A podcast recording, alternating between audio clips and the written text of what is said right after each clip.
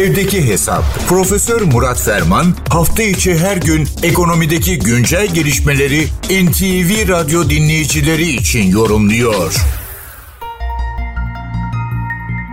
Geçtiğimiz geride bıraktığımız haftanın son gününde Borsa İstanbul'un 150. yıl gong töreni yapıldı. Bu vesileyle İstanbul borsasının 150 yıllık bir tarihe sahip olduğu anlaşılıyor. Esasen modern anlamda borsa 1984 yılında yapılan yasal düzenlemelerle tekrar yapılandırılmış ve 1986 başında yani Ocak 1986'da 19 hisse senediyle mütevazi bir yapıda başlatılmıştı. İstanbul Menkul Kıymetler Borsası adı altında. Ancak e, tabii geçmişe bakıldığında 1866 Ağustos'unda ilk borsacılık yapılanmasının ortaya çıktığına dair kayıtlar var.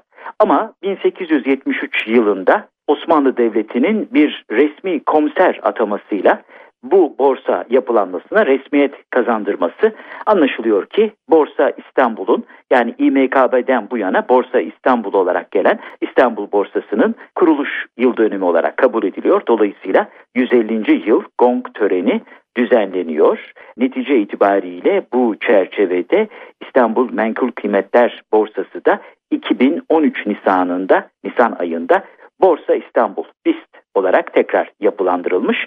Tabii bu gelişim süreci içerisinde önemli bazı dönüm taşları var. Mesela borsa endeks hesaplamalarının günlük bazda ortaya koyulması ancak 1987 yılında mümkün olmuş. 2009 yılında tesis edilen kamuyu aydınlatma platformu KAP'ta önemli bir dönüm noktası olarak şeffaflık ve hesap verilebilirlik bakımından bir önemli dönüm taşı olarak hiç şüphesiz hatırlanmalı.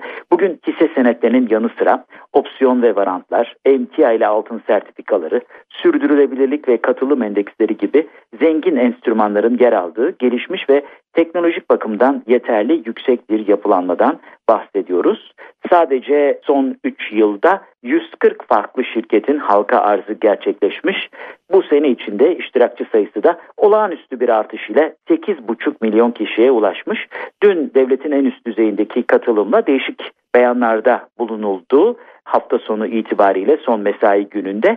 Orada enteresan noktalardan bir tanesi de Türkiye'de 10 kişiden birinin borsada yer aldığıydı. Tabii bu çerçevede oyun alanı veya gazino kapitalizmi gibi bir takım ifadeler de sarf edildi. Burada sapla samanı karıştırmamak lazım.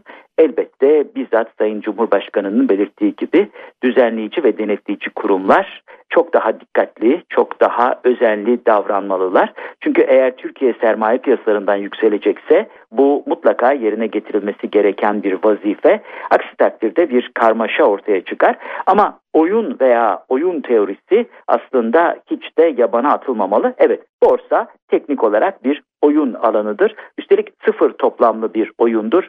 1940'lı yıllarda ortaya atılan game teori, oyun teorisi de bu tarz bir yaklaşımla borsanın da teorisini ortaya koymuştur. Nitekim e, Macar doğumlu ve orijinal adı Janos von Neumann olan John von Neumann'ın 1944 yılında önce eseri ve daha sonra büyük dahi John Nash'in 1950'lerin başında ortaya koyduğu tarzıyla oyun teorisi borsayı da içine alan bir teorik yapıdır ve sıfır toplamlı oyunda bazıları kaybetmeden diğerlerinin kazanması mümkün değildir. Önemli olan oyunu kurallarına göre oynamak, oyun oynanırken kuralların değişmemesi ve oyuna dahil olanların bu edep ve terbiyeye sahip olmasıdır. Aksi takdirde borsada veya günlük hayatta oyun teorisinin dışında hiçbir şey kalmayacağına ve hayatın kendisi de game teori, oyun teorisi çerçevesinde açıklanacağına göre sürdürülebilir sonuçlar almak mümkün olmayacaktır. Netice itibariyle borsanın kurulmasından 150 yıl geçmiş ama değerli sanatçımız Bülent Ortaçgil'in Benimle Oynar Mısın şarkısının üzerinden de 50 yıl geçmiş. Bülent Ortaçgil'in bu eserinin herhalde daha çok uzun yıllar hafızalarda kalacağını ve dinleneceğini biliyoruz. Tıpkı oyun teorisi gibi oyun teorisi ve diğer unsurlar şunu anlatıyor. Hayat böyle gelişi güzel veya gelgeç tespitlerle değil ve fakat teorik yapılanmalarla ve sistematik yaklaşımlarla açıklanabilir ve idame ettirilebilir. Hem borsamızda hem sanatımızda uzun yıllar diliyoruz.